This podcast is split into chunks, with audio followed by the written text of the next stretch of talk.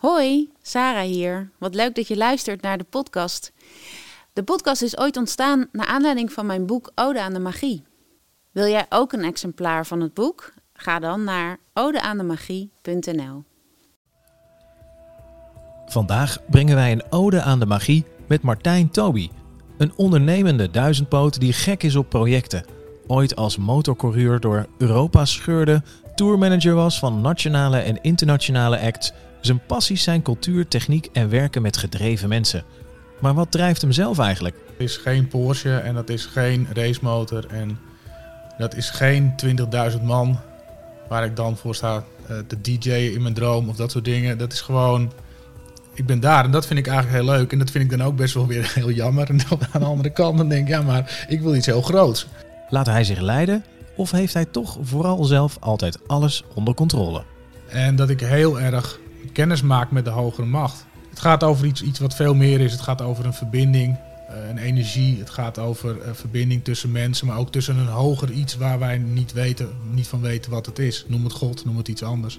Welkom bij Ode aan de Magie. Ah. Sarah, we gaan in gesprek met Martijn en Toby. Waarom, uh, waarom moest hij zeker uh, aanschuiven in Ode aan de Magie?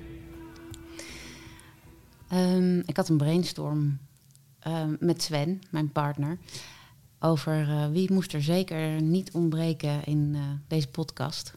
En Martijn heeft met vlag en wimpel gewonnen. Um, als je naar Martijn toe gaat, dan weet je, er komt een verhaal. Hij maakt zoveel dingen mee in zijn leven. En um, ik heb altijd zin om je te spreken. En het is een soort combinatie van heel intelligent en uh, de nieuwsgierigheid van een kind. En soms maakt dat uh, hele bijzondere dingen en soms denk je echt, oh mijn god, dat gaat net langs het randje. Um, nou ja, daarom uh, is Martijn hier. Ik ben echt heel benieuwd, want Martijn stuurde ons een, ook een soort van overzichtje of een soort bio, een opsomming. Met, nou, dat was net alsof ik de bibliotheek inliep en dan allemaal verschillende afdelingen zag. Zo. Ja. Leven als, als racecoureur, uh, ooit op de lijst bij D66, tot uh, werkzaam in de bouw. Dus ja, volgens mij is er veel magie op te halen bij jou. Nou, dan gaan we die magie maar eens ophalen. Hey Martijn, welkom. Hoi, goedemiddag. Goeiedag. Goeiedag. Wat is um, magie voor jou? Um, ja, daar heb ik natuurlijk enorm over na lopen denken voordat ik hierheen ging. Toen dacht ik, oh jee, nou moet ik allerlei dingen gaan ophalen. Dat, uh, dat uh, de Heer aan mij verschenen is. En, uh, en dat soort zaken had ik in mijn hoofd. Hele grote dingen. En, en hoe lang ik er eigenlijk over nadacht. Je had wel gezegd dat ik er niet over na moest denken. En niet moest scripten voordat ik hierheen kwam. Maar dat lukt niet. Nee, dat lukt niet. Dan heb ik toch een beetje een control free ding in me zitten. En, maar fijn dat je daar eerlijk over bent. Ja, dank je. En... Um, ja, wat is magie? Ik denk eigenlijk dat het, dat het veel kleiner voor mij is dan, uh, dan wat ik eigenlijk had verwacht. Mm -hmm. ik, ik heb de laatste 24 uur heel intens geleefd, omdat ik gewoon wel wist dat ik naar jou toe ging. En uh, ja, wij ook goed bevriend zijn. En dat maakt het voor mij toch een beetje, denk ik, oh ja, oeps, met Sarah mag het niet fout gaan. Oh, echt? Ja, dat dacht ik, ja. ja. Wow. En um, ja, eigenlijk denk ik dat de magie in, uh, in hele kleine dingen zit. En voor mij is in de basis magie dat als ik op het moment stil kan staan en denk: wauw, dit is wel heel gaaf. Dan vind ik dat eigenlijk al mooi genoeg. En, en dat is best wel veel vaker dan ik in mijn snelle leven eigenlijk besef. Want ik er ook vaak voorbij ren. En dat ik nu de laatste tijd wat meer stilsta en ook kan denken van de lucht is groen. Dat en zie jij dan? Dat zie ik dan. En dan denk ik gewoon, de lucht is, de hele, de hele stad is gewoon groen. En toen had ik het over, heb ik het over midden in de nacht, was ik een keer buiten. Mm -hmm. Dat doe ik wel vaker. Ga ik s morgens heel vroeg ga ik mijn bed uit en ga ik eerst door de stad heen lopen. Ja, dat en is toen, iets nieuws. Ja, dat is iets nieuws van me, ja.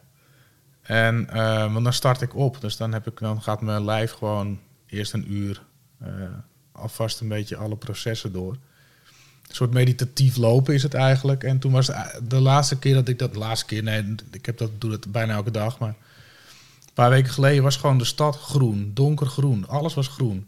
Hmm. En dan loop ik daar en denk, wauw. En ik liep gewoon echt helemaal alleen. Er was niemand.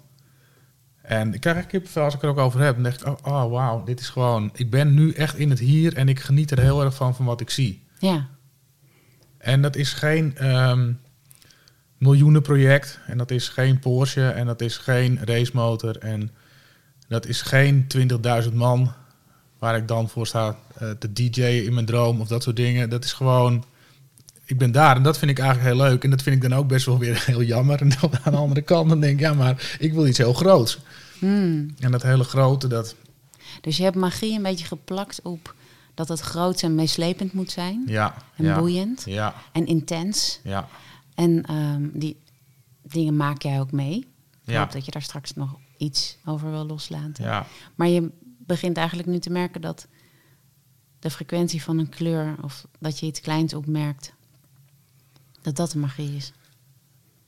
Nou ja, je, je noemt één woord wat mij de laatste eh, maanden enorm be bezighoudt. En dat is het woord frequentie. Hmm. Wat betekent dat voor jou? Ehm, dat betekent een aanraking van eh, de, de hogere macht met, met wie ik in stof ben. Dat is voor mij frequentie. Hmm. En ik kan het heel moeilijk uitleggen, maar ik merk wel... Ik heb alleen maar obsessies in mijn leven, dus ik ben hier ook nog geobsedeerd. ik, ik doe ook een opleiding inmiddels als audiotechnicus. En dat heeft te maken omdat ik wil weten wat die frequentie nou eigenlijk met je doet. En waarom iets is of voelt zoals het voelt. Hmm. En ik denk dat dat alles met een frequentie te maken heeft. Waarom vind ik een bepaald nummer te gek om naar te luisteren? Ja. Ik kan dat niet ontrafelen, want eh, meestal zijn die nummers ook nog eens best wel simpel. Ik wil alles altijd heel complex maken en heel inderdaad grotesk en meeslepend. En er zijn soms hele eenvoudige nummers, liedjes, waarvan ik denk van, hè, wauw. En dat moet iets zijn, dan wil ik technisch achterhalen hoe dat komt. Je wil de wetenschappelijke antwoorden daarachter, waarom dat jou raakt. Ja, maar wel altijd een kruising. Dus ik wil niet alleen maar wetenschappelijk. Ik wil echt heel erg op gevoel varen, maar ik wil er ook wel een soort uitleg voor mezelf aan kunnen geven. Hmm. Dat vind ik belangrijk. En waar ben je gekomen nu met die frequentie? Heb je daar al... Ja. Nou, in, in basis ben ik gewoon heel, ik ben heel erg, ik ben nu, ik ben denk ik super autistisch. Ben ik achtergekomen, ik zeg ik ook lekker vaak, dan word ik het ook vanzelf, denk ik dan. dat vind ik een hele goede volgorde. Maar ik, ik merk dat ik heel erg, ehm, dat ik heel veel trekjes heb die heel erg neigen naar dat spectrum. Mhm. Omdat ik, eh, ik ga gewoon duizend keer naar hetzelfde nummer luisteren. Ja. Ja, dat is, dat is best wel eh, ja, op het randje van. Ik, ik vind het heel normaal. Maar ik, ik heb nu het nummer van Billie Eilish, dat is het nummer Bored. I'm so bored. En dan, dat vind ik echt gewoon. Ik kan het gewoon echt ook twintig keer achter elkaar aanzetten. En dan, dan luister ik er nog steeds naar. En ik vind het. Het doet iets met me. En het zet iets in me aan de gang waar ik heel blij van word. Wa- wa- Wat gebeurt er dan? Wat doet dat nummer dan? Ehm Wat voor lichamelijke sensaties horen daarbij? eh, voel. Ja, ik voel intens geluk. Intens geluk. Ja, ik voel intens geluk. Ik, ik snap haar zo. Ik vind het ook zo'n leuk eh, meisje. Ik vind, het, ik, vind er heel, ik vind het echt heel erg goed. Ik vind de muziek fantastisch. Ja. En eh, it's the voice of an angel, weet je. Ik, ik bedoel, ik, ik smelt helemaal als ik haar hoor. En dan denk ik, wat doet zij nou? Waardoor ze me zo aanzet. Maar je hebt elke keer bij dat nummer dezelfde sensatie. Ja, Elke keer weer die intense blijdschap. ja. Nou ja, het, ik, moet, ik lach nu ook, maar ik moet er ook elke keer om lachen. Ik ben echt zo snel verveeld dat, dat ik het nummer I'm so bored vind ik gewoon... Ja, dat is zo wie ik ben. Dat is de essentie. Dat is de essentie, ja. Maar dat gaat over de tekst. Ja, maar ze- ze- er is dus iets in die muziek. Ik bedoel, iedereen kan het zingen. Maar er gebeurt iets waardoor het mij aan de gang zet. En ik, ik kan dat nog niet vatten. Ik ben dus wel heel driftig die opleiding aan het doen. Mhm.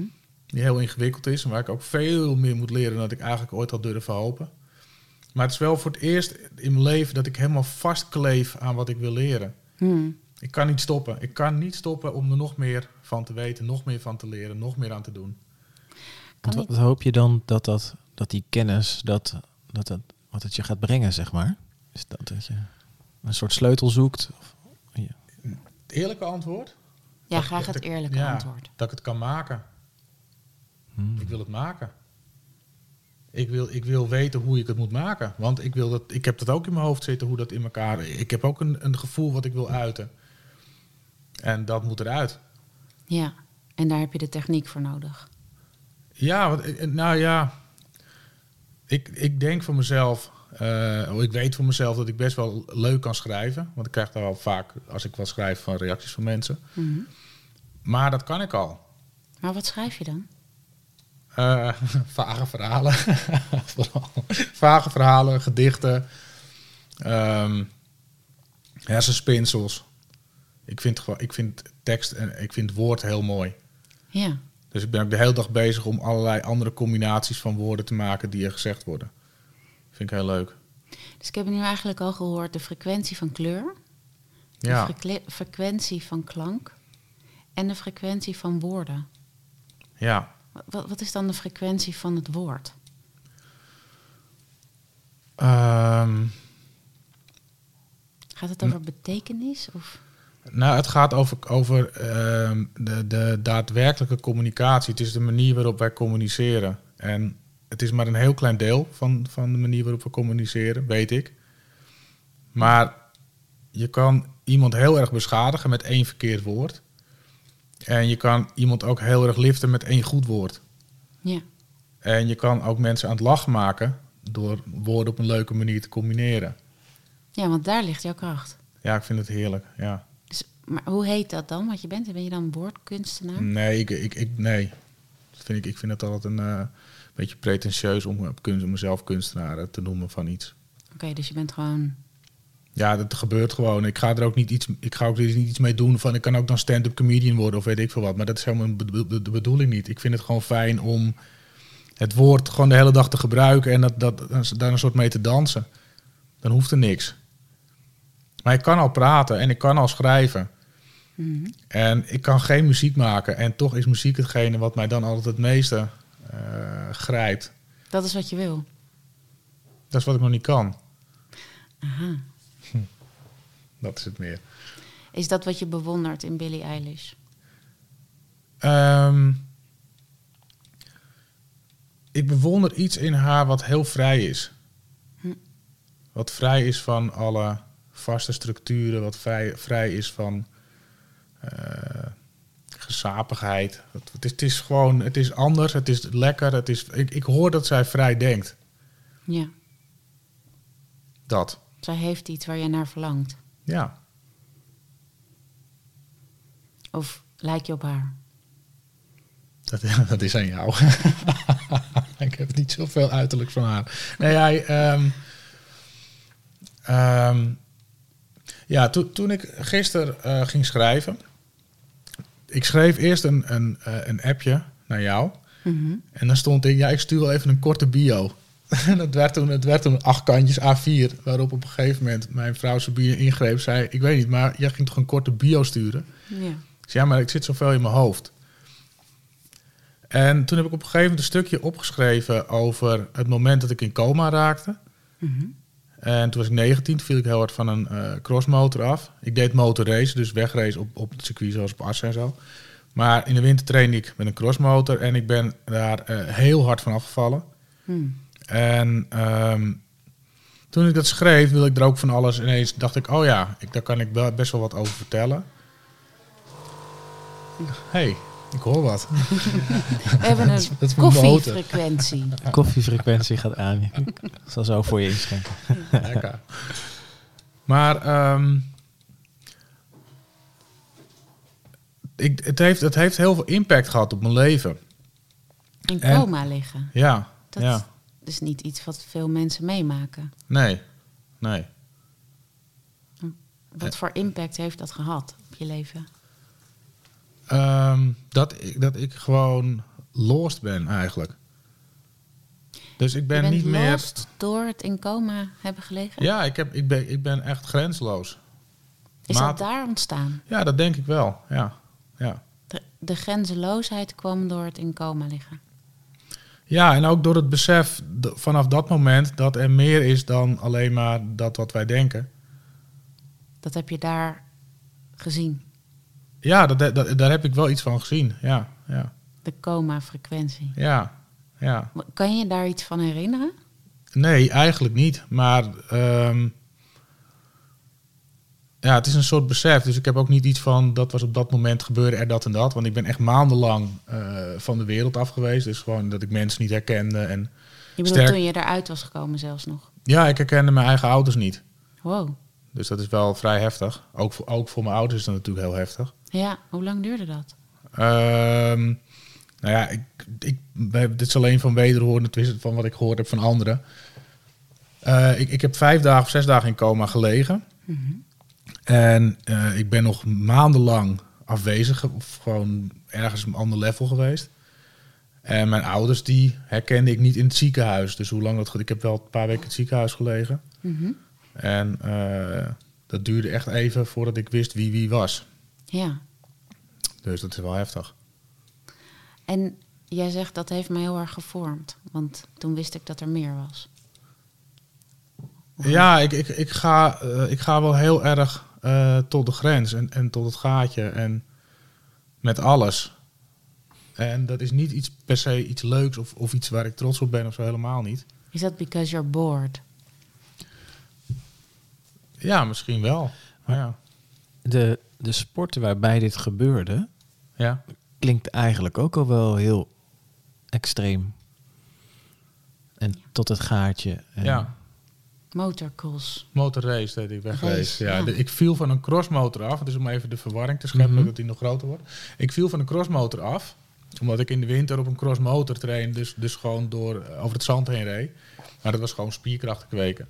Maar alle, allebei, ik bedoel, of het op de weg of op, in het bos, maar ik vind het wel een interessante gedachte, omdat jij beschrijft de coma als een heel duidelijk kantelpunt.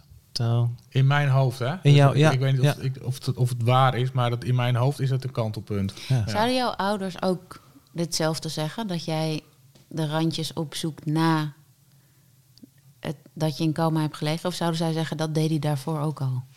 Ja. dat, dat eerste. Dat eerste. Wat wou- was het eerste eigenlijk? Het eerste was dat je daarvoor ook al Ja, de oh ja. randjes opzocht. Ja ik, ik, ja, ik zocht wel de randjes op, maar ik merk, ik wil, het ook, ik wil voor mezelf er ook een betekenis aan geven waarom ik lost ga. Dus ik zoek ook gewoon redenen Mhm. waarom ik gewoon moeilijk eh, te temmen ben. En het is niet altijd leuk, dus als, het, het, zit me ook, het werkt me ook tegen. Dus daarom, eh, Nou, als het leven altijd intens moet zijn, ja, dat is wel best wel zwaar. en dan gebeuren er ook heftige dingen. Ja, ja. Want ehm, wat is het meest heftige slash magische wat je hebt meegemaakt in je leven? Ehm,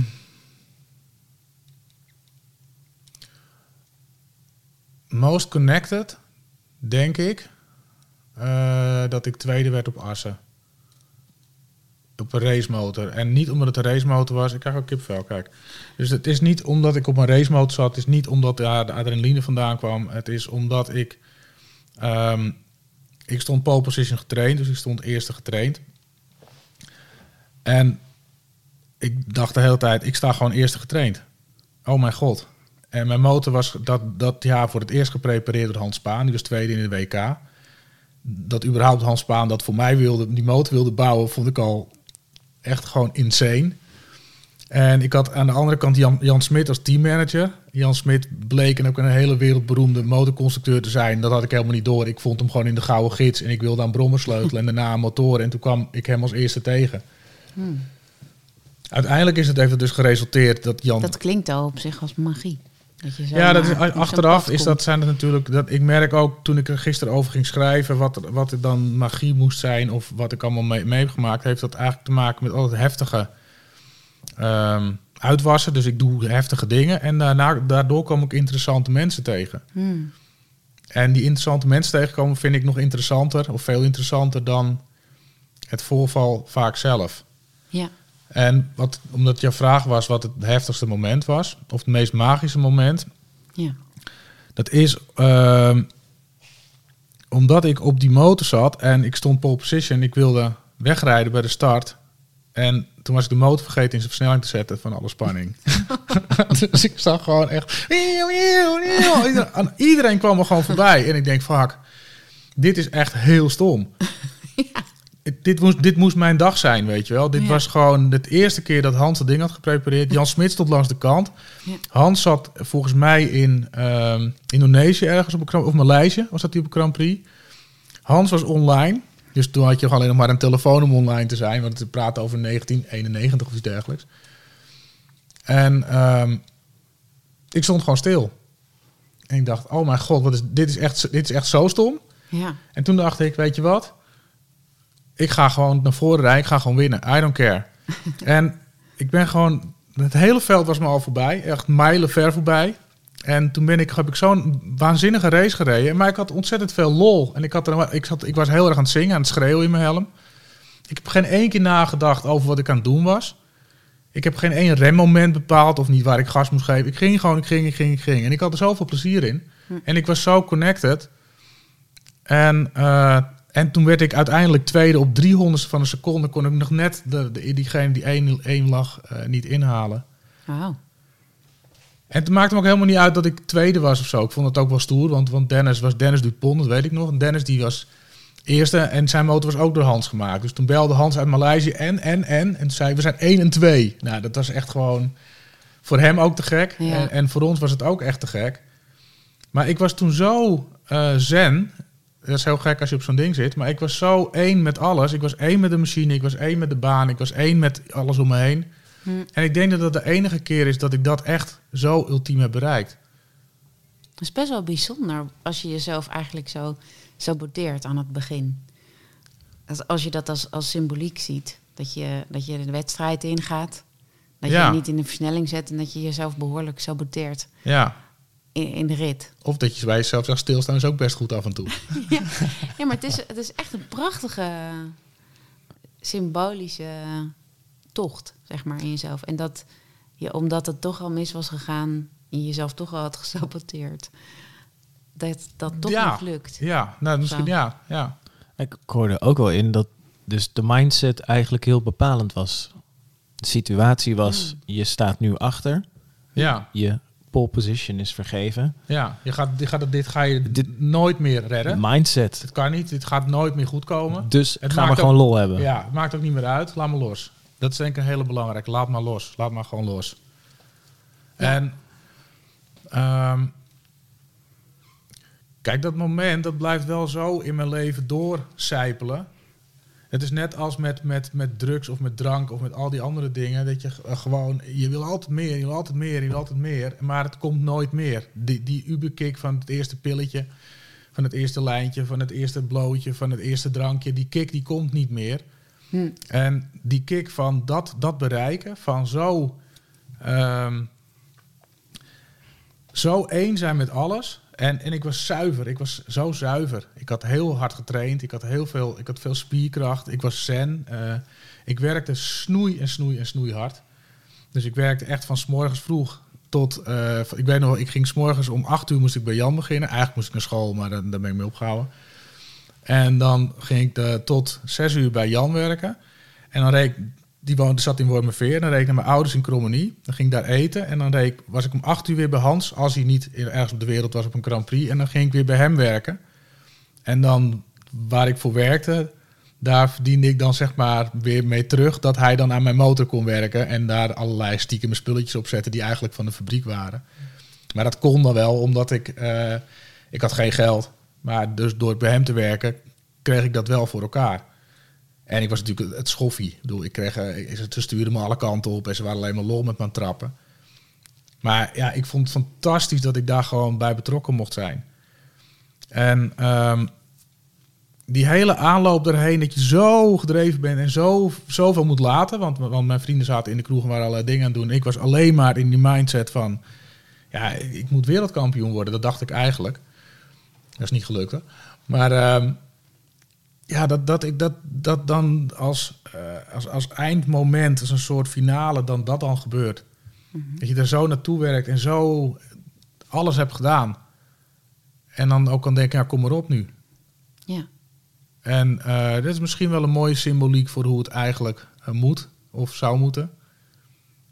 En het is ook een, ehm, het, het, heeft me ook, ik, het was zo gaaf dat ik ook de rest van mijn leven aan het proberen ben weer zo'n eh, Rush. zo'n rush te halen. En die dat haal is ik niet misschien meer. ook waarom je steeds nieuwe dingen wil. Ja, En, en, en, en tot het straatje wil gaan en ja, de diepte in. En steeds, maar je zegt van ja, dat, dat is alleen de eerste keer en daarna niet meer. ja, Misschien moet je genoeg nemen met die ultieme rush. Dat jij dat al hebt mogen beleven. ja, ja. Ik heb dat nog nooit beleefd. Zo'n rush met motoren en weet ik het. Amazing. Nou ja, kijk, ik, ik, ehm, ik kijk ook wel af en toe Sabine aan. Sabine is mijn vrouw. En, en dan... eh, oh, weet je, dan ligt het er helemaal af. En dan, ja, het is echt zo saai. Ons leven is nu zo saai. We zijn maar vijf keer weg geweest deze week. We hebben maar twee interieurs eh, gedaan. Eh, we hebben maar 28 mensen gezien. Nou ja, zoveel niet. Maar we, we, we doen eigenlijk gewoon de hele week door... zijn we zo verschrikkelijk veel verschillende dingen aan het doen. En beleven we eigenlijk best wel avonturen. Alleen hebben we het niet door. Ja. Maar je hebt natuurlijk in het begin van je leven hele intense avonturen beleefd. Want vertel eens, Osdorp Possie. Wat was dat voor avontuur? Ehm, was, dat, was dat magisch? Ja, dat, dat was zeker magisch. Dat was zeker magisch. Het, ehm, het verhaal Osdorp Possie. Toen ik heel jong was, eh, als in eh, eh, eh, 12 denk ik of zo, toen ehm, kwam, ik weet ook nog wie het was, Allard Westerbrink. Die had een bandje en ik kreeg van Tjeerd Visser en Allard Westerbrink. En Allard, ga ik later meer over vertellen, Allard is, Allard is nu regisseur en is ook regisseur geweest van een van de clips. Allard had een bandje van Osdorp Possie. Want zijn broer Bedoel speelde je een cassettebandje? een cassettebandje. Ja, Maar heel ja. oldschool. Ja, de rode demo. Dat, Ja. was, dat was echt een, een dat was, dat was, ja, was een soort magisch. Da- Daar stonden de eerste nummertjes op. Ja, En dat was echt een soort magisch iets, weet je wel. Dat, eh, het, het was best wel rof. Ja. Eh, ja, ik ga het niet nu nazingen, maar het, was best wel, eh, best wel grof. Maar eigenlijk was het gewoon Amerikaanse hip-hop die dan gewoon vertaald werd in het Nederlands. En Amerikaanse hip-hop is ook alles fuck en, en, eh, en I kill you en bitches en weet ik veel allemaal. Alleen dat vertaalden ze in het Nederlands en dan klinkt het best wel hard. ja. Maar ik vond het super vet. En ik zat op een christelijke school. Een uber-christelijke school. En eh, ik vond het natuurlijk ook heel gaaf om als DJ op schoolavond dan gewoon kneppelhard ineens ons door een portie erin te pompen. En het, ja, het ging over de kerk en brandende mensen renden naar buiten en dat soort dingen. En dat, dat was best wel heftig, ook op een christelijke school. Dus dat moest dan ook wel weer uit. Maar ik vond het wel, dat, ja, dat zat wel een beetje in me om eh, een beetje recalcitrant te zijn, zeg maar. Ehm, jaren later had ik in bedacht dat ik een festival wilde organiseren op een asielzoekerscentrum. En, eh, Tuurlijk. Want dat doet iedereen. Ja, nou ja, ik, ik, vond het, ik vond het een heel logisch iets. Omdat het was in... Mijn ouders woonden in Krommenie. En aan de overkant lag Assen-Delft. En daar was ook in het weiland, zeg maar, stond het asielzoekerscentrum. Mhm. En toen begon iedereen, ja, nu worden dus allemaal fietsen gestolen. Mhm. En ja, nu kun je dus niet meer veilig over straat.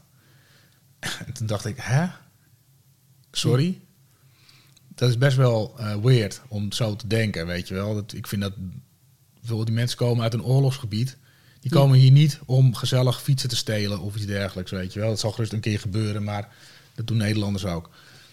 En ehm, toen dacht ik, weet je wat, ik ga gewoon naar het asielzoekerscentrum toe. En ik ga daar gewoon twee dagen rondlopen. Kijken wat er gebeurt. En toen kreeg ik allemaal gesprekken, hele intense gesprekken. En dat was wel een beetje met eh, handen en voeten en gebaren. En, maar ik, ik kreeg echt dingen te horen over oorlog. Eh, dat wil je niet. Dat, dat kan je gewoon niet. Dat, dat, past eigenlijk niet in je hoofd. En dan denk je van, we zitten, wat zitten wij hier nu af en toe te klagen als er een keer een beetje wat fout gaat. Maar dat, wat die mensen vertelden was echt heel intens. Dus toen bedacht ik, ik, maak een, eh, ik organiseer een festival. Alles stond toch al. Er waren allemaal tenten en er waren aggregaten. En eh, ik denk, oh, daar kan ik wel een podium tussen, tussen, zetten. En dan, eh, ja, dat vond ik wel een goed plan van mezelf. Dus toen heb ik Brainpower gebeld en, eh en Osdorp Possie. Ik denk, nou, dat, die vind ik gaaf. Dus die, ga ik die gewoon bellen, vragen of ze komen.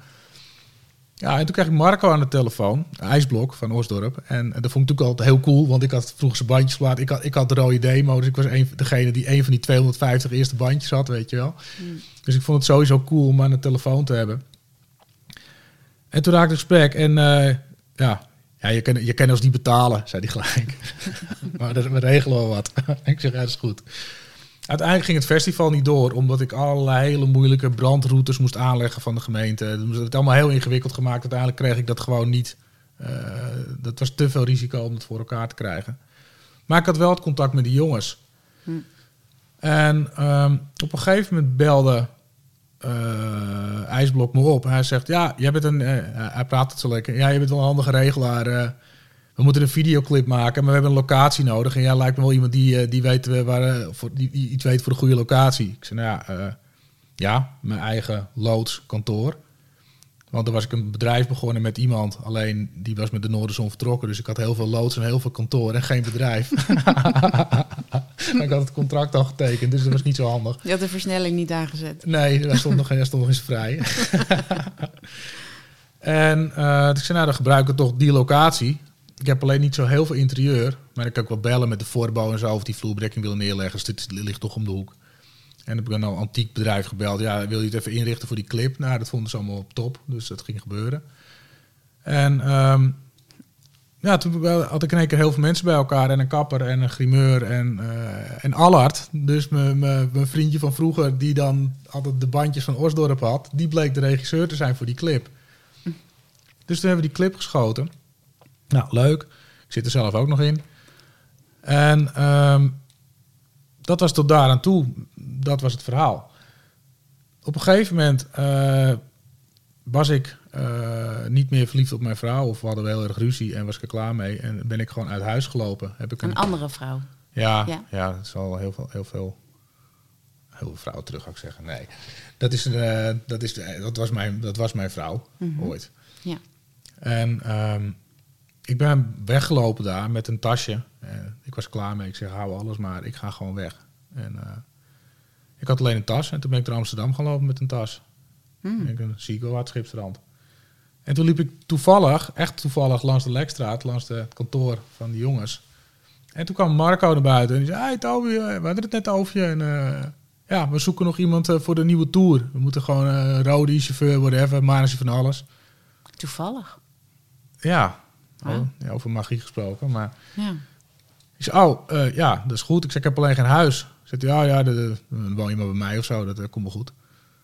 En eh, nou ja, vanaf dat moment was ik chauffeur, eh Rodi, eh manager van alles, van Osdorp Possie. En dan ben ik gewoon een paar jaar met ze onderweg gegaan.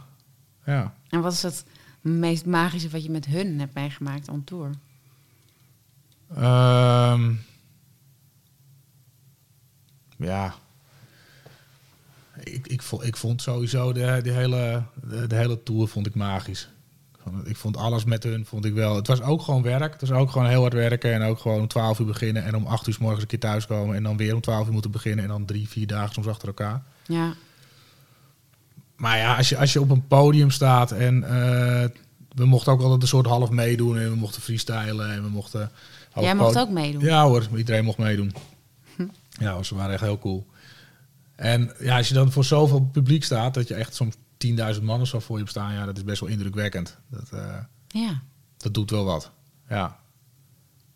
Dat vond ik, ik- en, en wat ik, oh ja, wat ik het, magisch, het meest magisch vond, is gewoon de, het, het, het altijd afzetten tegen iedereen, wat ze deden. Dus ze hadden gewoon scheid aan de geldende regels. Ze hadden ook scheid aan de commercie, scheid aan, aan eh, radiostations, want ja, die draaiden ze toch niet. En, maar ze, regelden wel altijd, het was toch wel een soort geolied bedrijf. En ze regelden wel alles met weinig.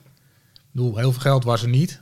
En met allerlei kleine eh, hulpmiddelen. We gingen een keer een clip schieten. Toen hadden we een locatie nodig. En toen zijn we eh, naast de, hoogovens gaan filmen. Op een eilandje volgens mij van de BAM. Het was van een bouwbedrijf. Maar dat hebben we even toegeëigend.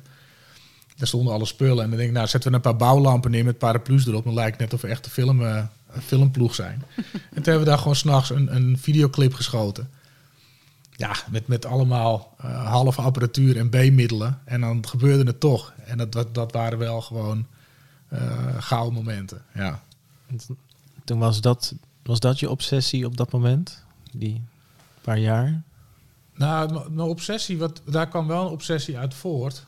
Goeie vraag, trouwens. Ehm, ik voelde me eigenlijk, wilde ik ook erbij horen en ook hun zijn en ook eh, meedoen en ook, eh, ook dat kunnen. En eh, eigenlijk ehm, ja, ben ik gewoon in dienst van hun. Dus doe ik gewoon mijn ding voor hun en maak ik het niet zelf. Het was niet de grote Toby-show. Nee, nee, nee. Nee. En die zoek? ging ik wel spelen. Die ging ik dus wel doen. Daar ontstond ook de irritatie tussen Marco en mij uiteindelijk door. Ja? Ja, ja, ja. Dat was echt wel strijd. Ja, Je pakte te veel podium. ja, ja. Ja, Hm, ja. mooi. En toen? Want toen is dat op een gegeven moment geëindigd. Wat ben je dan? Hoe ga, waar kom je dan terecht? Pakte je rugzak en ging weer wandelen door de stad. Ja, wat heb ik toen gedaan? Eh, Of wat was het volgende magische waar je in terecht kwam? Nou ja, dat was niet zo magisch. Want ik had in, in de tussentijd eh, had ik een, eh, een pand gekocht, een oud café. Heb ik in 1998 of zoiets gekocht. En daar heb ik vier appartementjes in gebouwd en dat verhuurde ik. Nou, was leuk. Leuk voor de inkomsten ook. En eh, ja, dat was gewoon wel gaaf voor de bij. En dat, viel, dat huis viel om in 2008. Het Als viel in- om. Nou ja, dat zakte van zijn fundering af. En dat kwam omdat de gemeente in de grond aan het graven was. Dus toen kwam dat pand eigenlijk naar beneden, eh, heel bot gezegd. Die hele straat hoor trouwens. En eh, toen werd ik echt gebeld door de lokale burgemeester dat ik met onmiddellijke ingang eh, de huurders uit het pand moest verwijderen en, en ze in hotels moest onderbrengen binnen 1,5 uur. En eh, ja, ik weet nog, ik stond daar. Het was, het was eh, volgens mij, ik, ik, ik romantiseer het ook allemaal. Maar ik weet wel dat ik aankwam, dat er allemaal grote schijnwerpers stonden. Het was s'avonds, het was later. Dat er allemaal brandweer was, politie, media. En toen dacht ik, oké, mijn leven wordt nu echt heel anders. Ik wist het op dat moment zeker. Ik denk, dit, dit is echt, dit is zo foute boel. En eh, dat was het ook. Het was echt foute boel. Eh, ik heb toen nog anderhalf jaar gestreden en, eh, tegen de gemeente en als Don Quixote om te proberen me gelijk te halen. En ze hebben wel een schikking ge- geboden, die had ik natuurlijk gewoon moeten pakken. Maar ja, eh hey, zo zit ik niet in elkaar. Nee. Dus ik ging strijden en, en, en ik ging echt eh, hard ten onder. Tot het gaatje. Tot het gaatje. En tot ik kapot was en failliet was en de schuldsanering kwam. En eh, nou, ik denk wel vier jaar op een houtje moest bijten. Wauw, Ja, dat is een ja. heel ander gevoel. Ja, ja, ja. En ik had het niet willen missen. Waarom? Ehm,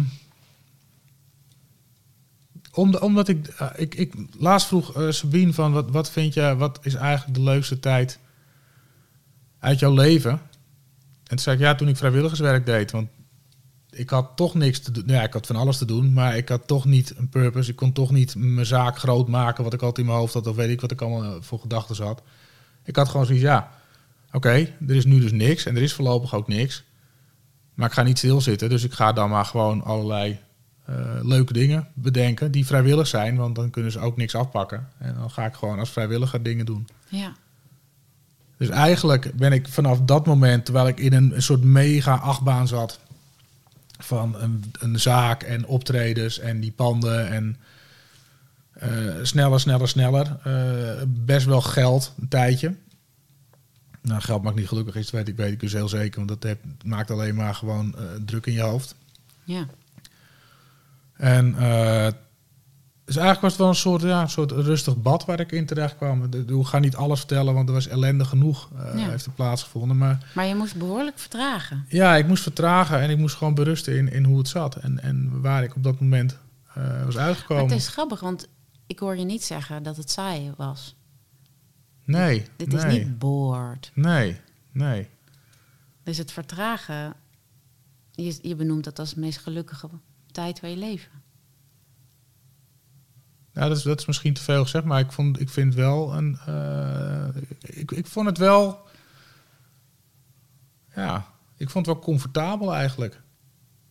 Ik ja, nu ga ik gewoon doen wat ik wil, waar ik zin in heb. Ja.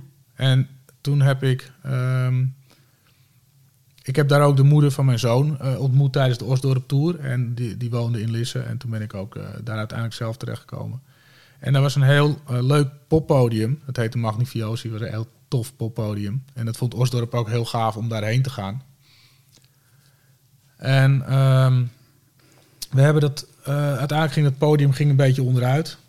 Door, door het beleid of door dat het niet meer werkte. En toen heb ik met een paar vrienden een stichting opgericht. En zijn we dat podium weer opnieuw leven in gaan blazen. En dat was gewoon heel leuk om te doen. Toen hebben we er nog twee festivals ook aan vastgeknoopt. Dus we hebben twee jaar achter elkaar een, eh, een middelgroot festival georganiseerd. Bu- buiten in de zomer bij dat podium. Nou, superleuk om te doen. Ja, wat voor festival is dat dan? Ja, dat heet de Greefpop. Daar eh, lieten we allerlei... eh, het was een beetje, je hebt ook zo'n festival dat heet... ehm, eh, ik weet waar het is. Het is bij de Beekse Bergen. Best Kept Secret. Wij hadden een, een, een jongen daar en die zat op het conservatorium en die was een hele goede scout. En die, die vond allerlei artiesten en die, heel, die hij heel gaaf vond. En die lieten we dan optreden daar. Dus het, waren best wel, het was ook Best Kept Secrets waren dat. En intussen zijn al die jongens zijn allemaal eh, bekende eh, singer-songwriters nu geworden. Dus we hadden het wel bij het goede eind. Dus dat was echt superleuk om te doen. Ja, En dat was allemaal vrijwillig. Dus dat was allemaal eh, zonder dwang, zonder druk, zonder iets. En dat vond ik eigenlijk heel fijn. Ja. Hoeft, je, hoeft er niet, eh, je hoeft er niks waar te maken of in te lossen van de eerste of tweede plek of wereldkampioen. Ik zie allemaal parallellen. Dat vind ik zo. Ja, Ja. ja. Je kon gewoon heel rustig door het veld heen rijden. ja, ik voelde me ook heel erg op mijn plek. Ik denk, ja, dit is eigenlijk gewoon best wel, eh, best wel een hele goede plek om te zijn. ja. Heb jij in je leven wel eens, ehm, we noemen dat hier in de podcast intieme magie. Maar heb je wel eens een moment meegemaakt dat je dacht, zo, er gebeurt hier een heleboel. Voor heel veel mensen heeft het impact. Het is eigenlijk allemaal zodat ik mijn lessen krijg. Bijvoorbeeld dat eh, een bouw wordt stilgelegd of eh, iets instort. Of, en dat je denkt, oeh, dat is omdat ik iets moet leren hier. Maar dat heeft wel impact op meer mensen. Ja. Nou, ik wil eigenlijk zeggen, nee, het heeft, dingen die heel erg fout gaan, hebben op mij nooit zo'n enorme, eh, enorme impact. Hmm. Ik vind- ben juist heel goed in de hoek waar de klappen vallen. Dus daar, daar kan ik gewoon heel goed mee omgaan. Dus ik vind dat niet zo heel erg. Dus die, die ken ik eigenlijk al. Ja. Een hoge frequentie. In, oeh, dat is mijn ring. Een hoge frequentie, klang. De intensiteit, de knal, zeg Ja.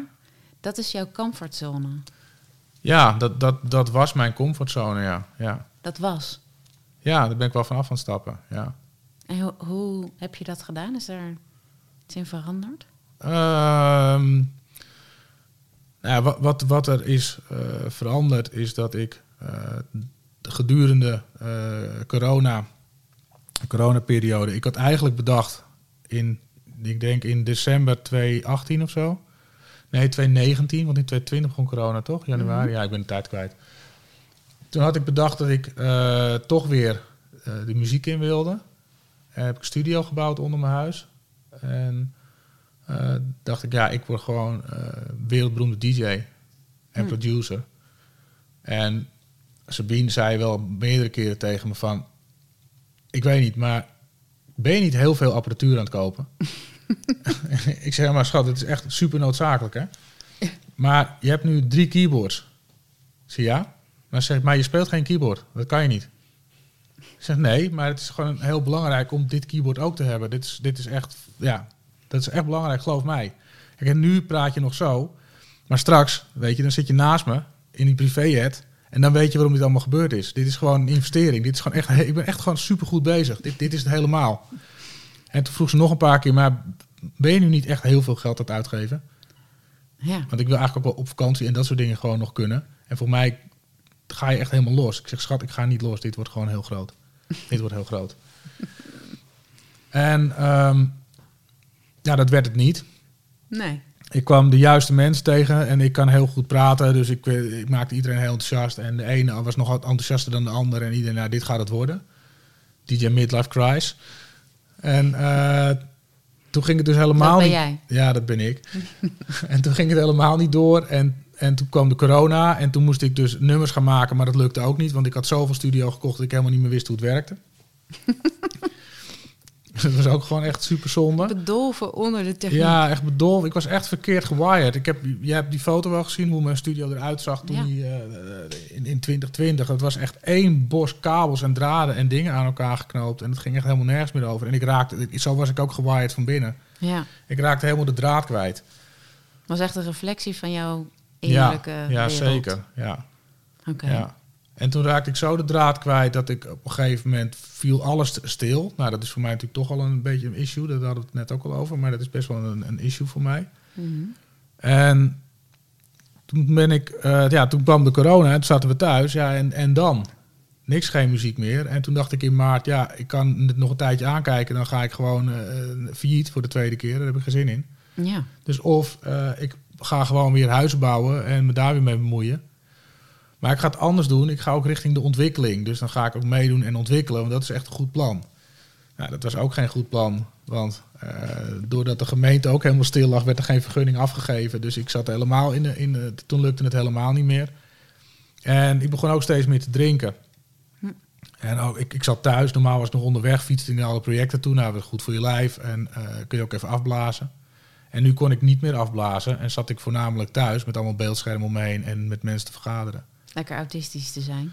Ja, lekker autistisch te zijn, lekker in het spectrum. Ja. Ja, geen uitlaatklep. En eh, ja, dat, dat, dat begon me op te vreten. Dus, dus om, om, om, denk om drie uur, half vier stond de eerste glas wijn al achter mijn beeldschermen verstopt. Ja. En dat liep echt, echt behoorlijk uit de hand. En eh, ja, ik dacht, ik, ik dacht, ik heb er gewoon helemaal geen controle meer over. Ik, eh, dat, dat vond ik echt, dat was echt wel. eh, Het werd heel zichtbaar voor jezelf. ja, het werd heel zichtbaar voor mezelf. Ja. En toen zag ik ook dat ik wel heel hard heb geleefd. En wel echt mega overal eh, in een sneltreinvaart doorheen ben gegaan. Mhm. En ehm, ja, toen, toen ben ik hard tot halt geroepen, laat ik het zo maar zeggen. Door jezelf? Ja, ook, maar ook door twee vrienden. Hm. En eh, Sabine heeft ook een grens gesteld. Ze, ja, dit gaat gewoon niet goed, weet je. Je gaat helemaal los. Je hebt gewoon nul grens. Dat is wel echt vriendschap, als vrienden dat doen. Ja, dat is wel echt vriendschap. Ja. Die hebben me echt eh, letterlijk van de grond afgeraapt en gezegd... en nu is het klaar. En nu gaan we het anders doen. En eh, ja, vanaf dat moment eh, ben ik totaal een geheel onthouder. En rook ik ook niet meer. En ja. Wauw. ja, dat is wel een andere... En hoe Andere- voelt dat dan?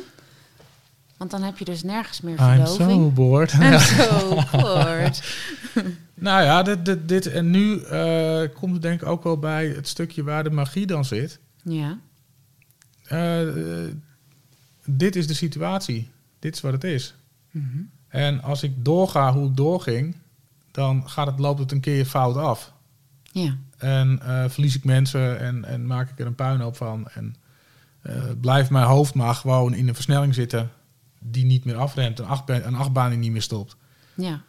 En nu eh, stop ik en zet ik mezelf verplicht eh, elke dag stil. Mhm. En ga ik dus morgens eerst, eh, niet elke dag meer, want dat werd me too much. Maar ik ga wel met, met, met grote regelmaat, zeker vier, vier keer in de week, denk ik, ga ik gewoon om half vijf opstaan. En dan loop ik om vijf uur door de stad tot een uur of zes. Dan loop je door de stilte. Dan loop ik door de stilte en heb ik geen, ehm, geen input. En dat vind ik heel erg fijn. Ja. En ik heb altijd heel erg de, de gevierde jongen gespeeld en populair en ahaha. En, maar eigenlijk was ik heel eenzaam en voelde ik me daar helemaal niet happy bij. En overschreeuwde ik mezelf aan alle kanten. Hm. En dat vind ik een hele oncomfortabele positie eigenlijk. En dat merk ik pas nu, nu ik echt stilsta en merk dat ik ook best wel last heb van, van mensen. Als in, ik vind het niet lekker om te veel mensen om me heen te hebben, omdat ik dan gewoon te veel Prikkels. prikkels heb. En eigenlijk gedij ik heel goed bij gewoon een hele dag naar een Excel-bestand kijken. I'm so bored. ik vind het helemaal niet zo erg om, en dat gaat niet mijn hele leven duren, maar ik vind het helemaal niet zo erg om dat te doen. En, en eh, Walter, eh, de jongen die mij, de, de, de vriend van mij die mij van eh, de, de straat heeft gevist, zegt: Nu is het klaar. Ik, ben nu voornamelijk bij hem aan het werk. Hm. En ja, dat is, dat is gewoon een, een, een lekkere omgeving van mensen die het snappen hoe het zit. En die weten hoe het is om op het randje te lopen en ook om er vanaf te vallen. Ja. En uh, ja, dat is een, het is een heel. Um, het is, het is een, een, hard bedrijf, of een hard bedrijf. Het gaat er wel hard aan toe, zeg maar. Uh, er gebeurt veel. En uh, het is professioneel. Dus het is wel echt. Het doet me heel erg denken aan topsport. Nu ik natuurlijk topsport heb gedaan, voelt dit ook wel als topsport. Maar ik voel me ook wel een soort sereen. Dus je doet topsport, maar je bent niet meer op zoek naar de rush. Nou ja, de topsport is nu om, en, en dat is wel iets wat uh, Walter me mee heeft gegeven. Ja, weet je, die, die, dat puinruimen in die hoek zitten waar de klappen vallen, dat ken je wel. Dat hoef je niet. Je kan nog 35 studies gaan doen, maar dat, dat snap jij wel. Dat is niet als de Eiffeltoren omvalt, dan ben, ik de, ben je de eerste die ik naar, naar Parijs stuur. Jij hebt hem in twee weken weer staan. Dat geloof ik allemaal wel.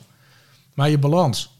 Hm. Dus je, voor je gezin zorgen, uh, voor je vrouw zorgen een betrouwbaar iemand zijn, uh, je afspraken nakomen. Als je zegt ik kom thuis, gewoon thuiskomen. Ja. Uh, dat is veel stoerder. En dat is vele malen moeilijker. Want dan is de rust er niet meer. En dan moet je dus in je balans gaan proberen vrede te zoeken. Ja. En toen zei hij nog, weet je, hij deed zijn duim omhoog en zei, veel succes. toen dacht ik, oh. Maar nee, die is, die is, um, ja, die is zwaarder dan ik dacht. Die balans. Die balans is echt, ja. Dat is de, de uitdaging. Ja, ik denk wel de, de, de, de secret of your future is in your daily routine. En dat ik die nu heel erg aan het oefenen ben en die kende ik nog niet. Je, je zei een paar keer, uh, had je het over autisme. Is dat iets waar, waarvan je serieus vermoedt dat je nou, binnen dat spectrum... Uh... Ja, ik geloof wel dat ik ergens in het spectrum... Uh, ik, ik vind het niet, niet zo heel interessant om ergens een labeltje op te plakken. Nee, maar als het gaat, wat ik van je hoor, is dat je in een fase bent waarin je jezelf beter probeert te begrijpen. En daarin kan, uh, nou ja, kan ik, uh, ik heb geen autisme, maar mijn, uh, mijn oudste dochter wel. Dus dan verdiep je daar een beetje in. En ik ben daar onder andere in tegengekomen. Mensen denken bij autisme snel aan overprikkeling, wat, wat een probleem is en kan zijn. Ja, maar dat, ook onderprikkeling. onderprikkeling. Dus dat is, dat is interessant natuurlijk als je dat wel voor jezelf gaat onderzoeken. Omdat je gedijt heel goed, hoor ik je zeggen, bij, uh, bij structuur, regelmaat, uh, matiging. Ja. Ja. En niet elke dag wandelen, maar vier keer per week prima. En um, ja, dus rekening houden met dat jij dus ook boord kan zijn en onderprikkeld. Als je daar, iets, als je daar ook een oplossing voor hebt, dan heb je misschien zo die beide kanten om weer een balans te creëren. Dus balans een mooi thema voor een motorrijder ook. Ja, ja ik, ik, ik ben ook uh, um, prettig onder de indruk van de vragen die je stelt. Omdat je, omdat je zegt wel dingen waar, waar, ik, waar ik denk, oh ja, zei ik dat? Ja, dat zei ik. Maar dat, dat, er zit wel echt wat in. Ik, um, kijk, het is, het is heel makkelijk om te zeggen, ik heb ADHD. Nou, dat zou ik gerust ook wel hebben ergens. Dus, dus ben ik zo. Dus kan ik ook zo doen. En nu kun je ook zeggen, nou ja, ik ben autistisch, dus hé, hey, weet je, ik kan er ook gewoon, uh, dit is gewoon wat het is, ik kan er niks aan doen. Je wil niet je diagnose worden. Nee, en ik denk ook niet dat dat... achter verschuilen. Nee, ik vind het ook wel even leuk. Ik vind het ook wel leuk om het te roepen, dus ik roep het ook elke dag dat ik autistisch ben en denk, nou, misschien word ik het dan. en misschien ben ik het ook. Maar um, ik vind het vooral interessant om te kijken van hoe, hoe kun je gedijen en hoe kun je dan toch een, een vorm vinden nou ja, ik, ik, ik, ik, ja, dit is nou gaat mijn ADHD in de gang. Alle kanten op. Welkom, ADHD. Ja, thank you. um, ik, vind het niet, ik vind het niet zo interessant om te kijken van wat, wat, wat, wat, wat ben ik of wat doe ik of waarom uh, doe ik zoals ik ben. Maar meer interessant van hoe kan ik nou uh, dingen veranderen in mijn leven en het zo bijtunen uh, dat een, een, een persoonlijkheidsstoornis is een, wordt een stoornis op het moment dat hij uh, niet, uh, dat, dat niet gedijt in je omgeving. Dus dat je of niet floot in je omgeving, of dat je daar misschien anderen tot last mee bent, of echt heel anders bent dan je omgeving. En ik, ik noem mensen die ik om me heen heb meegemaakt. ik noem Giel Belen. Dat vond ik echt een super eikel. Nou, dat voelt hij mij ook. Dat, dat weet ik zeker. dus, maar die, die, die gedijde er wel bij wat hij deed. Dus ja, dan kan, dan kan hij heel over de top zijn, maar dat werkte prima in wat hij deed. Giel, ik vind trouwens nog steeds wel aardig hoor, ergens ver weg, maar je zit gewoon in mijn, in mijn, in mijn hoe noem je dat? in mijn allergie. um, Ze zeggen wel eens dat je allergie iets is wat je van jezelf onder ogen mag komen. Ja, maar daar, en waar je ook misschien wat mee moet. En het wordt oncomfortabel. En, en als het allemaal comfortabel is, dan is het allemaal wat te doen. Als het oncomfortabel is, dan je weet ineens geen houding meer te geven tegenover iemand. En je weet niet hoe je daar eh, moet in gaan zitten. Dan kun je daar dat ontwijken en van alles van vinden. Je kan het ook confronteren en denken van, nou ja, kan ik het op een andere manier doen? Maar door niet meer te verdoven en je, je, je prikkels eh, in balans te brengen, dan ben je jezelf behoorlijk aan het confronteren. Ik vind dat de grootste confrontatie. Want de meeste mensen denken, nou, ga eens wat doen. Maar als je zo hard gaat, als jij en zoveel dingen hebt meegemaakt, bedoel, we hebben echt een heel klein beetje van je besproken nog maar. Ehm, dat is best wel confronterend in jezelf om tot stilstand te komen. Om daarbij te kunnen zijn. Uh, ja. ja, ik, ik, vind het ook, ik vind het ook heel... Um... Wat is je grootste takeaway dan? Dat je nu al zo lang sober en met rust en regelmaat leeft? Wat, wat, wat, wat heb je daarvan geleerd? Wat heb je in jezelf gezien? Dat uh, dit veel zwaarder is dan uh, al het andere. En dat ik word gedwongen om los te laten. En dat ik heel erg um, kennis maak met de hogere macht. En dat betekent dat ik los moet laten. En elke keer als ik de controle terugpak, raak ik het kwijt. Dus het gaat niet over jou. Het gaat over. Het gaat over iets, iets wat veel meer is. Het gaat over een verbinding, uh, een energie. Het gaat over een verbinding tussen mensen, maar ook tussen een hoger iets waar wij niet, weten, niet van weten wat het is. Noem het God, noem het iets anders. Dus je hebt jezelf de hele tijd in de, in de rush moeten krijgen om je goddelijke verbinding uit de weg te gaan. Ja, dat denk ik wel, ja. Wat is er dan zo spannend aan die goddelijke verbinding? Ik noem het even zo, maar het mag een andere naam Het is heel krijgen. klein. Dan ben je klein? Ja, nee, dat is, dat is heel klein. Dat, is, dat zit in een graspriet en dat zit in uh, een groen Amsterdam, donkergroen Amsterdam in de, in, de, in de vroege morgen. En dat zit in boord luisteren in mijn auto en gewoon omrijden naar waar ik eigenlijk moet zijn, omdat ik het nummer gewoon twintig keer wil horen. Daar zit het in. Maar wat, wat is daar spannend aan? Waarom willen we daarvan weg? Omdat. Um, Waarom wil jij daarvan weg? Omdat ik bewijsdrang heb. Omdat ik een gigantische bewijsdrang heb. Om het groots en meeslepend te maken. Ja, ja. En het is, het is er eigenlijk allemaal al. Ja, lang al. En omdat ik zo hard ga, zie ik het niet. Zag je het niet? Zag ik het niet, ja. En heb, ik hoor je zeggen dat je het ziet. Heb je ook onderzocht waar die bewijsdrang dan vandaan komt? Want dat is natuurlijk interessant als, je, ja, als die opgelost kan worden, ja, verklaard. dat is heel interessant, ja. Dan ja, hoeft er misschien niet een nieuwe gekte, obsessie, prikkeling, project. Nou, wat, ik, wat ik weet, uh, wat ik gewoon echt weet in mijn hoofd, wat ik zeker weet. Uh, ik had altijd een enorme uh, strijd gevoerd met mijn opa. De vader van mijn vader. En uh, ik hield zielsveel van die man, maar ik vond hem ook echt super lastig. Hm. Want hij zette mij elke keer weer terug op mijn plek. En ik zei, ja, maar mijn opa vond helemaal niks dat ik ging motorracen. Toen zei ik, ja, ik had gewoon liever gewild dat ik bankdirecteur was geworden. En dan zei hij, was eerst maar eens bediende geworden, jongen. Hm. En elke keer zette die me gewoon terug op mijn plek.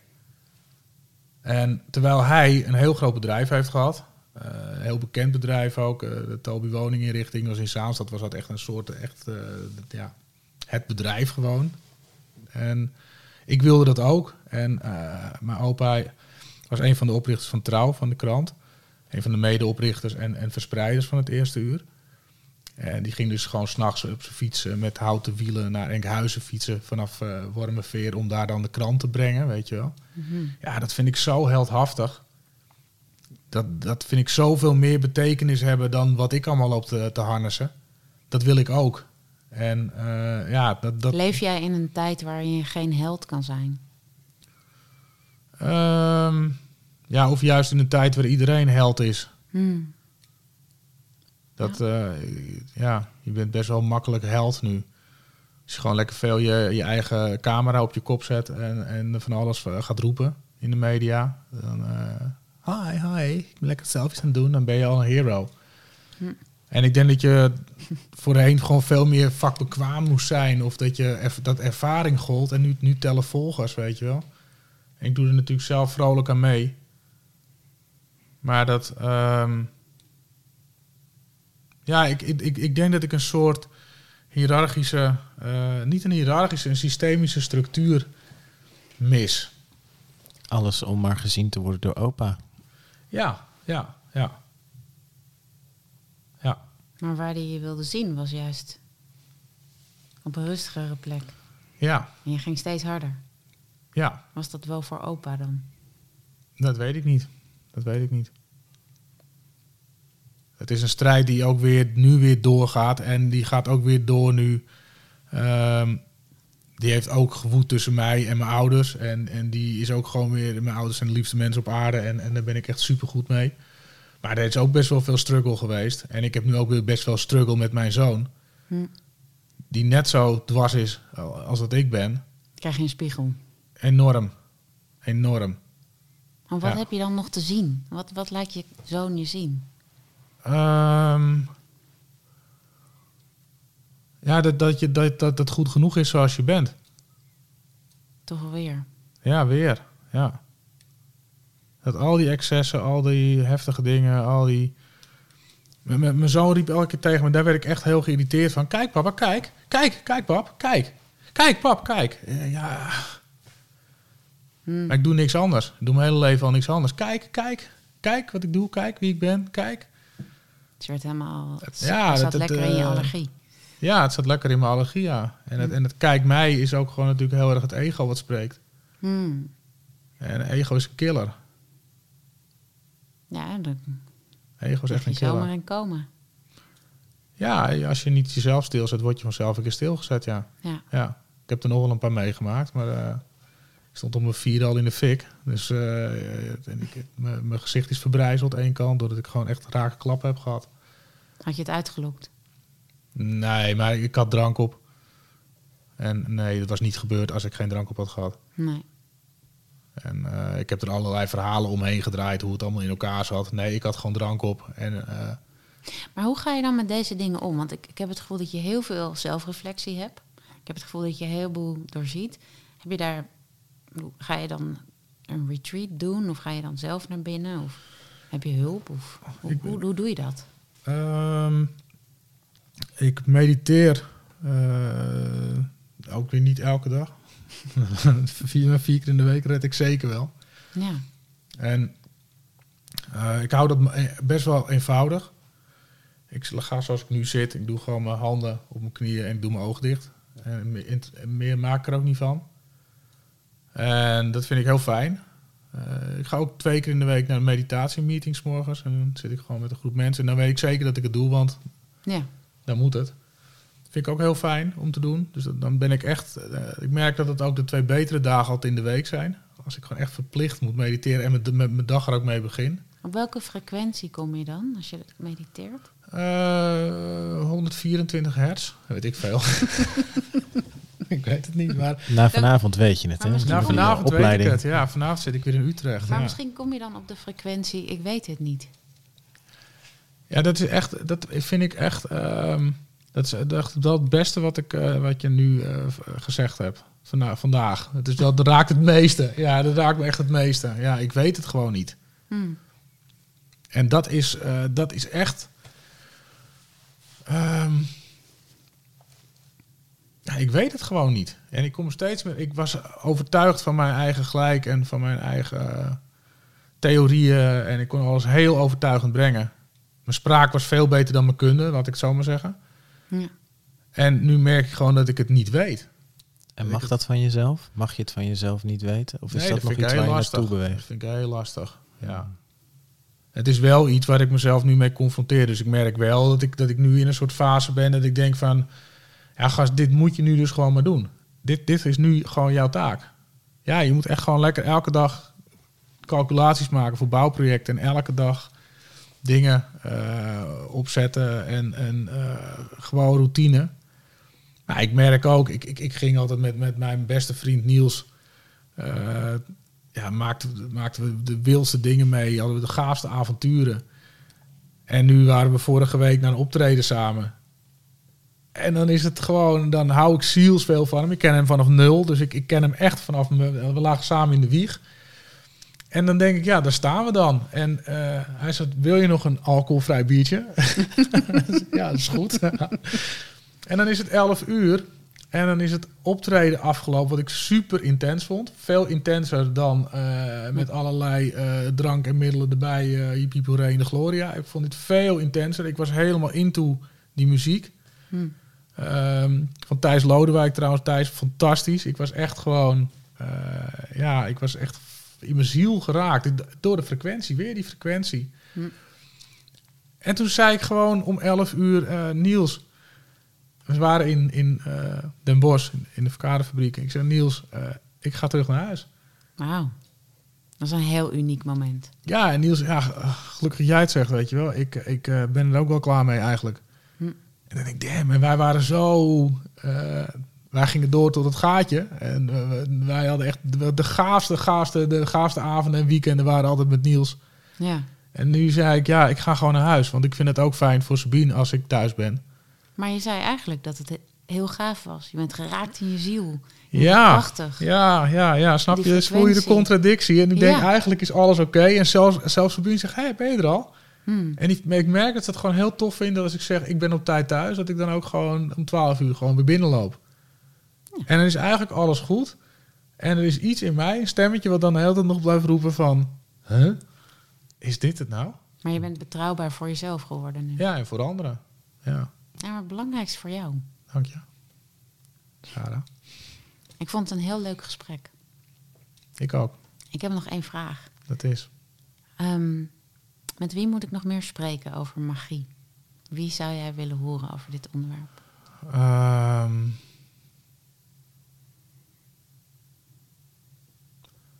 Dolores Lewin. Dolores Leeuwin. Ja. Wauw, wat een mooie naam. Ja. Waarom? Omdat ik eh Dolores al heel lang ken. En ehm, ik, ja, ik, ik, heb, ik heb een bijzondere band met haar. Zij was ook de, samen met Niels de eerste die ik belde toen mijn zoon geboren was. Hm. Toen gilde ik het uit. Ik heb een zoon, ik heb een zoon. En ehm, ja, ze zit ergens op een zij, zijweg in mijn leven. En eh, dus ik, ik heb een hele, eh, ja, een soort band met haar van begrip. Zij begrijpt wat er bij mij gebeurt. Hm. Zij heeft ook ooit een keer voor, voor Klokhuis een reportage gemaakt eh, over, over de Osdorp. Het is over Onderhonden. Dat was een soort subband van Osdorp Possie. Met nog andere rappers erbij. En toen heeft ze een documentaire gemaakt. En ik heb toen samen met Def P een liedje voor haar geschreven. Wat ze toen op het podium heeft gedaan. En toen zijn we een soort bevriend geraakt. En, en, en maar er is een soort understanding is er. Hm. En ik, ik, vind haar, eh, ik vind haar ingewikkeld.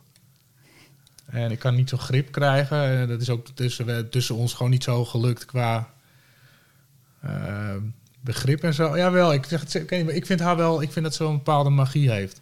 Ja, Oké. ik vind haar eh, Dankjewel. ingewikkeld en ongrijpbaar. Dus probeer haar... eh, Dan moet jij dan... Ik vind heel lief voor Dolores, ook dat. eh, nou ja, je wil haar horen in de podcast. Ja, zeker. Ja, dat eh, ja, vind ik een hele interessante vrouw.